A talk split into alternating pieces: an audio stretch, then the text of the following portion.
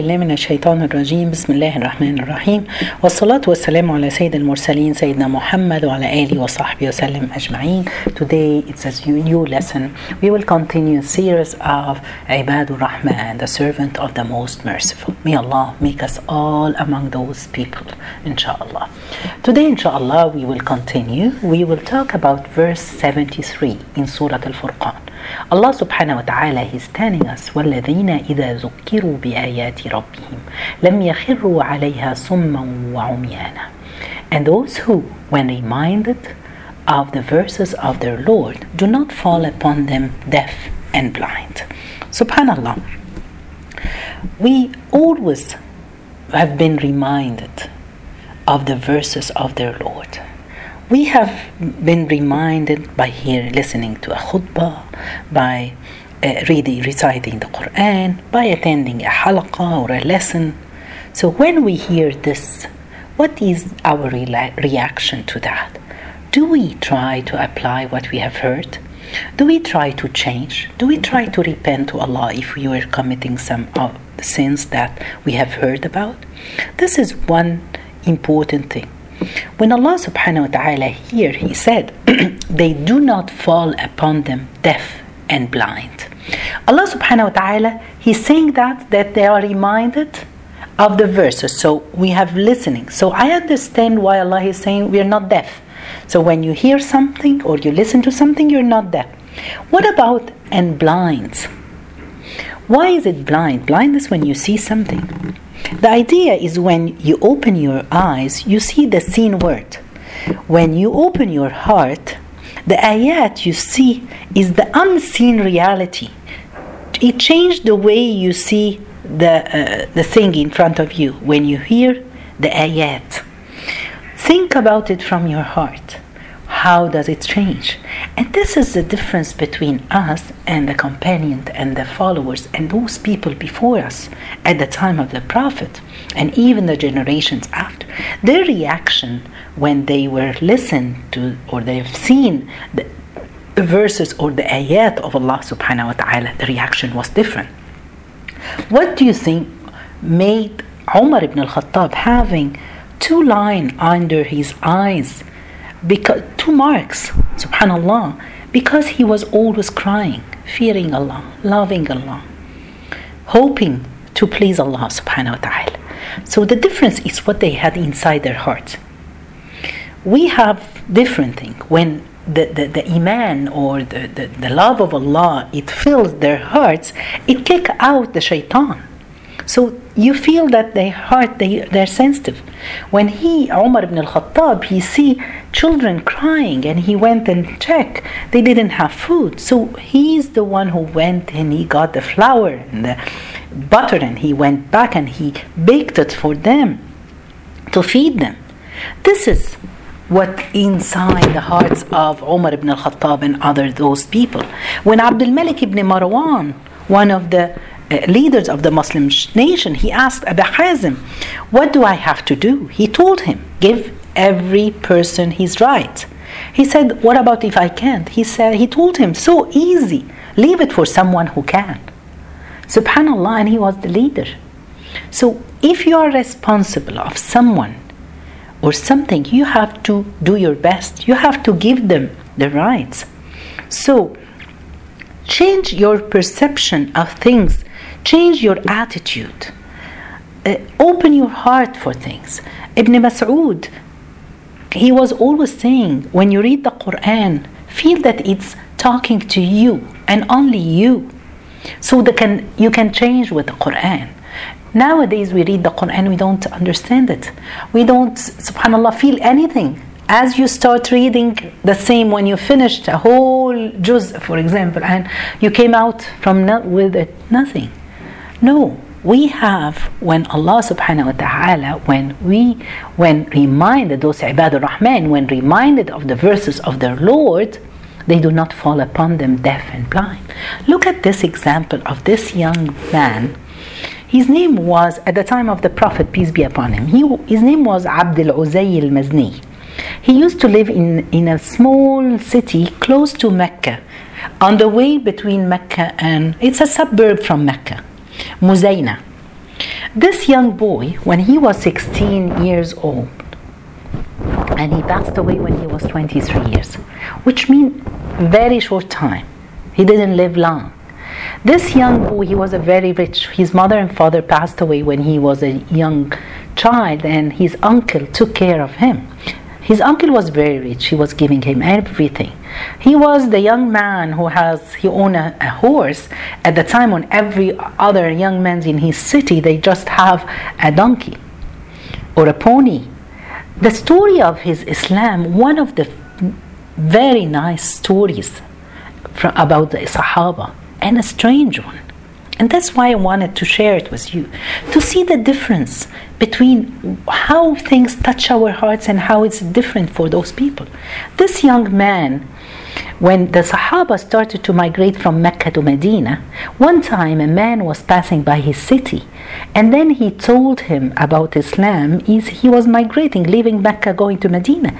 And then he asked him, talked to him about Islam, and he told him, if you want to be a Muslim. And the boy, so quickly, he became a Muslim and he made the Shahada.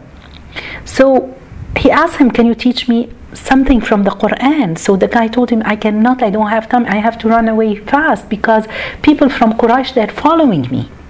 Then what did this boy do? He kept every day standing uh, uh, at the outstretch of the city waiting for people, Sahaba migrating from Mecca and Medina. Every time he finds someone, he walk with him for 15 kilometers, just asking him to recite some of the verses of the Quran, to listen, to learn, and go back to his city every day for a long time. And one time, one of the companions told him, Why don't you migrate with us? Go to Medina with us. He told him, I'm not going to leave my uncle. I want him to become a Muslim. So he stayed trying to talk about Islam, but his uncle was stubborn. After three years, he was trying, and then one day he decided and he told his uncle, You know what? I, be, I am a Muslim three years ago, and it's too. You, you, you took from my life spending time with the Prophet three years, and it's time for me now to go. Are you willing to become a Muslim and come with me? So the uncle refused. And he told him, If you're leaving, I'm going to take everything from you. He left everything. What do we leave nowadays for the sake of Allah? I cannot leave not having a hijab on my head because I love my hair, how it looks. I love going to the hairdressing and look this or that. I cannot leave wearing a bathing suit because I love swimming. But you, you can keep swimming. But what do we give away just for the sake of Allah? He left everything. And then his uncle even, he, he took, he, the clothes that he had on, he was, he left almost with his underwear, going, leaving, and he left.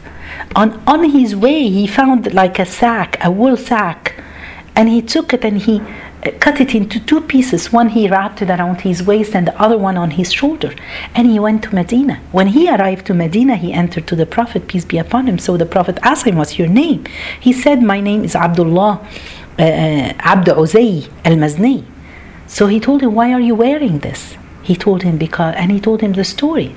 So the Prophet looked at him and he said, From today, your name is Abdullah Zil Bijadain Al bijadain, which is the two, the sacks, you know, bijad, it's the sack.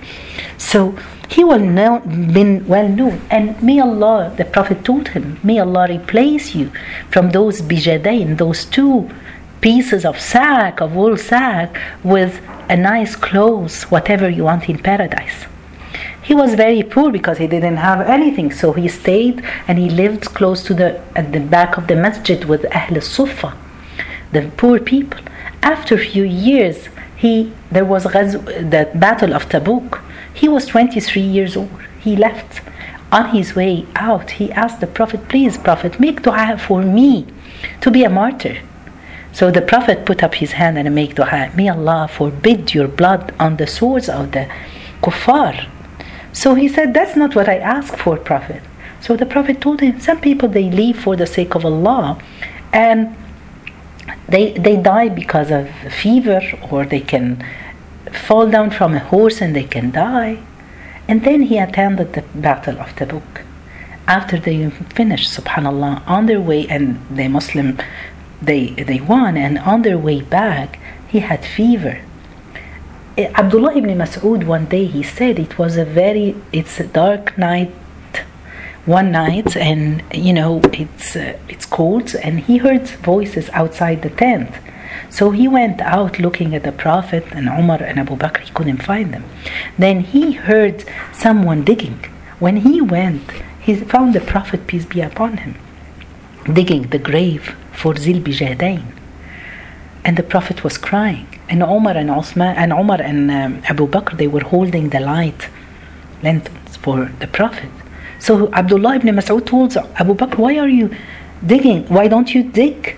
So he said the Prophet insists that he will dig the, the grave for Zilbijadain. What's special about you, Zilbijadain? And then he put the Prophet, peace be upon him, slept in the grave before he put Zilbijadain so it can be a mercy for him. And he put up his hand and after he buried him and he say Allah said four times Allahu Akbar and he asked Allah to forgive Zilbijadain because he loves him and Zilbijadain loved Allah. This is a difference between us and them. They, when they are reminded of Allah subhanahu wa ta'ala, it moves them. This is what we need. We want to see how can we improve? How can we be better? When I hear and listen about oppression, make sure that you didn't oppress anyone. Make sure if you're at your work you didn't treat someone bad or you you you, you kicked someone out of a job because you don't like him you were not fair we have to be very careful with these things maybe you have heard someone or uh, that he's making dua against you so we have to be very careful nowadays especially this year with all what's going around with the covid and people staying home and being going under stress and all these things. Remember that everything it happens for a reason. Allah subhanahu wa ta'ala when something happen, He has the reason. But look at the lesson that you have to come out of it. What do we have to come out of this year 2020 with the COVID and all these things? We have to come out ah that subhanallah remember that anything can change in one second that's why Hassan al Basri, one time he was walking and he found people building small rooms. So he said, What are you building? Why is they so small? They said, Those are uh, um, cells in, uh, in, um, in a jail. So he told them, Make it big. You don't know. Maybe one day you're gonna be inside. Things change, right? From one day to another. When I look and and and understand all this is happening so we can realize that nothing anything can change i can one day be here and the next day I lost my job for a reason. Allah subhanahu wa ta'ala, He has a reason. My son, he didn't pass the exam for a reason. We will work hard. Other things, we have to be positive and look and learn. And that's why Allah subhanahu wa ta'ala, when said those Ibadur Rahman, when reminded of the verses of their Lord, they don't fall upon the, them deaf and blind. No, we think, we understand what's coming behind that. What's maybe the be the reason? Look, don't be blind. As Subhanallah, if I have hundred dollars, when I give as a charity ten dollars, in with my eyes I'll see that I what's left with me is ninety dollars. But with my basira, the inside my heart, what's left is a 190 because the hasana is multiplied by 10. Which is, I know that this charity that I gave it, it's in the hand of Allah subhanahu wa ta'ala. Allah will multiply it for me. when we saw Prophet Yusuf or what happened to from his brothers, you wouldn't Im- ever imagine that he will be the one guiding or leading or be the minister of finance in Egypt at the time of drought in all the uh, uh, the countries. So those uh, uh Ibadur Rahman are open minded. They look around them, they learn from their mistake, they understand that everything is in the hand of Allah.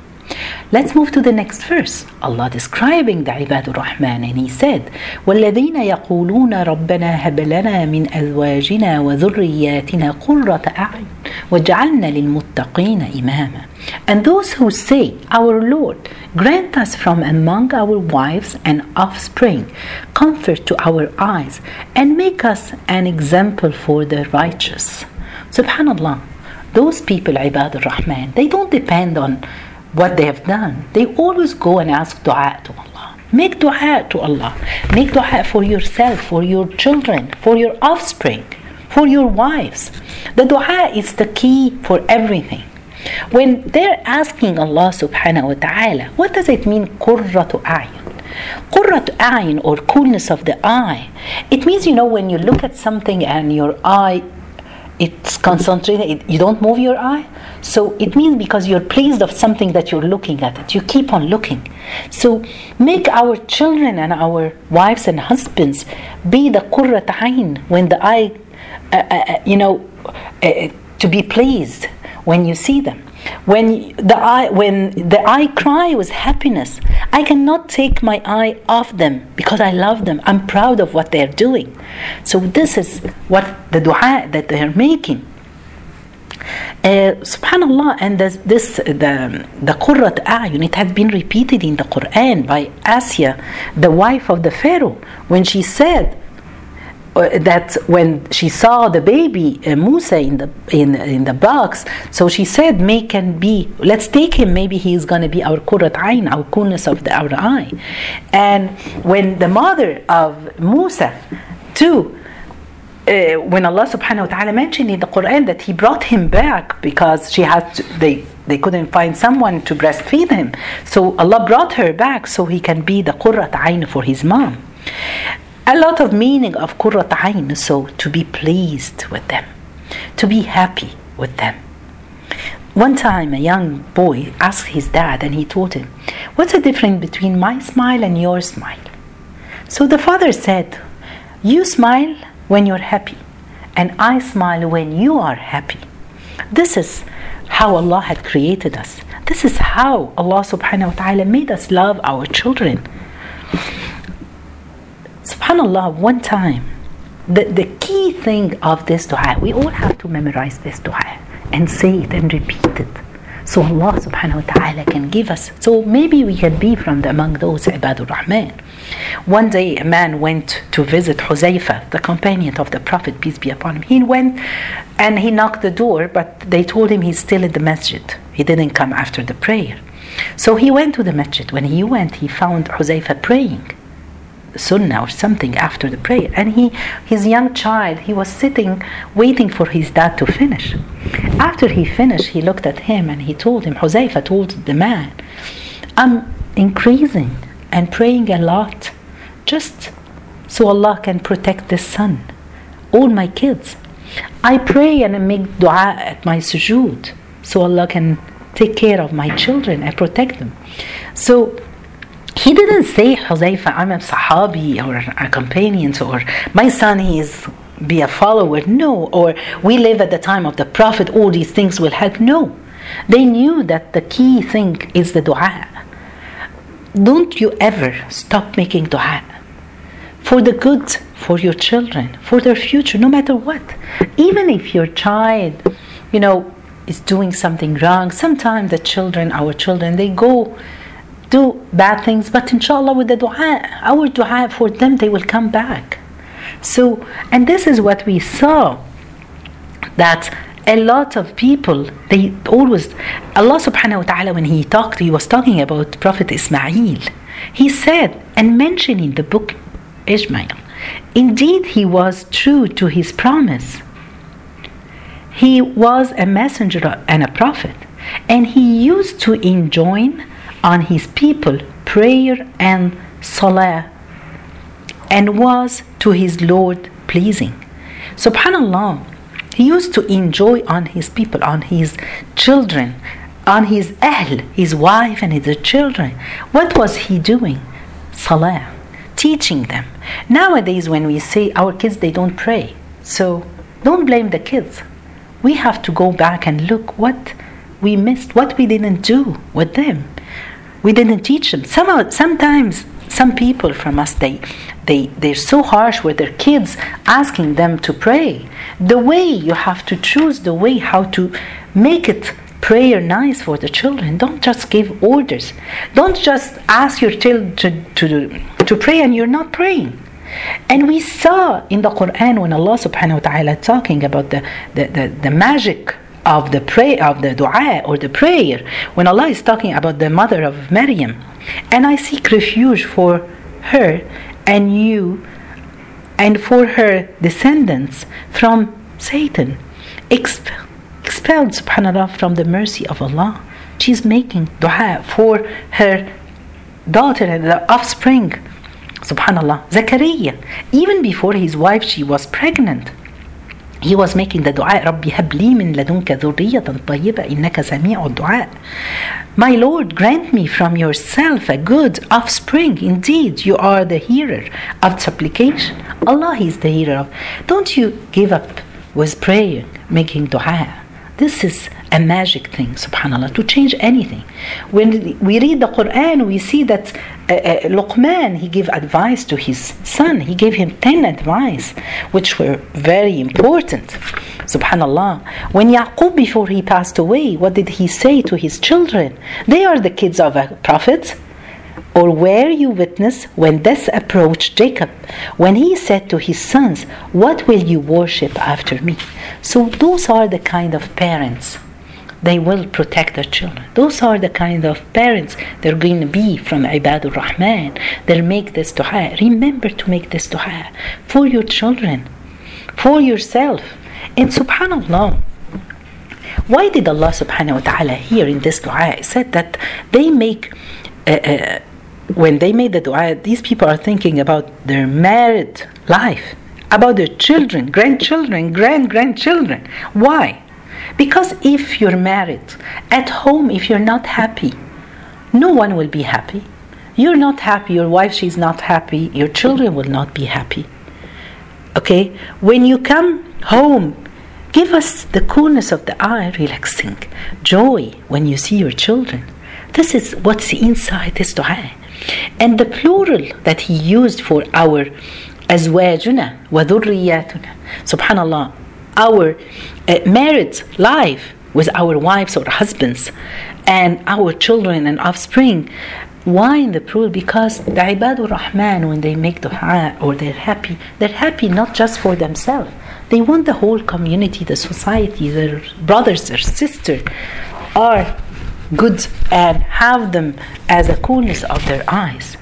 And then they're making the dua that continues saying, وَجْعَلْنَا لِلْمُتَّقِينَ إِمَامًا and make us an example of the righteous. What does it mean, Imam? Imam, he is the Imam. We all know the Imam at the mosque. He's leading the prayer, the one who is responsible of other things. The Imam of the masjid, the father and the mother are the leaders of the house. You're a teacher, you're responsible of your student. Then the prophets are responsible of their people. And that's why on the day of judgment, Allah subhanahu wa ta'ala will ask Prophet Isa, You the one who said to people, Take me and my mother as gods besides Allah? Of course not. They didn't. So, because everyone is responsible. And even the Prophet Oh Allah, witness, I did my job. I did my job. I did my job. That's what the Prophet, peace be upon him, he will say. Because he will see that J- uh, Isa, he will be asked about this. So on the day of judgment, Allah will ask us, Did you, have you been uh, caring about the people you respond? Are you, have you been an imam for them? We have to be very close to our children. It's so easy now to develop secret lives it's a different world than ours. Now, with technology and all these things, so there is a generation gap and con- continued gap if you live in the West, especially, subhanAllah. We have to be friends with our children, we have to be close to them. Uh, subhanAllah. And when we talk about raising our children and teaching them, when as I said, you cannot ask your children to pray and you're not praying. You cannot ask your children to be good to their siblings and you're not. A very nice story. A, a, a, woman she was saying that she one day her brother he called her and he told her that he w- was his wife. They will come and visit. She was a very, she was poor. She didn't have that much. So she looked. She found that she have some juices. So she prepared two glasses for juice for her brother and his wife. When they came, she found she was surprised that she found that he brought with her, with him, her her mother-in-law. Uh, yes, his mother-in-law. So she didn't want to know what to do. What is she going to provide them? She just have two cups of juice. So she filled another one with water, and when she brought it, she gave the, the sister-in-law and her mom the juice, and she put in front of her brother the water, and she told him, "This I know that you like to drink Seven Up, so that's for you." Then the brother, when he he took tried to drink, he discovered it's water. So he realized there is something. Then the problem is at this moment, what happens that the mother-in-law she told him can i switch with you? You give me the seven up and you take the juice. So he told her okay i'll go and get you a new bottle from the fridge. He went to the kitchen. She was sitting this mother she, this lady she was sitting and her daughter she was 13 or so she was sitting and they were looking to each other. They don't know what's going to happen. They don't know. Then they heard uh, something got broken a glass got broken in the kitchen. So the brother came and he said oh i'm so sorry. I uh, i it fell from my hand the bottle of 7 up and i broke it. Please i can go downstairs to the supermarket to get you a, a bottle of 7 up. He was saying to his to his mother-in-law. He's trying to save his sister. And then she said no no no it's okay. I'll take the juice. After they finished and they left before they leave, he was hugging her and he gave her money so she can. He realized he was helping his sister. And then after he left, before he leaves, he said, "Don't forget to clean the kitchen from the seven up because it can be sticky and the ant can come."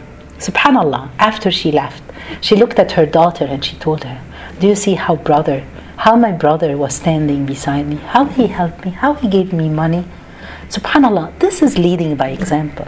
I cannot tell my kids be good to your siblings, and at the same time they find that me and my husband we don't talk to uh, uh my sister or his brother. This is how we should be. So again, the Ibadur Rahman.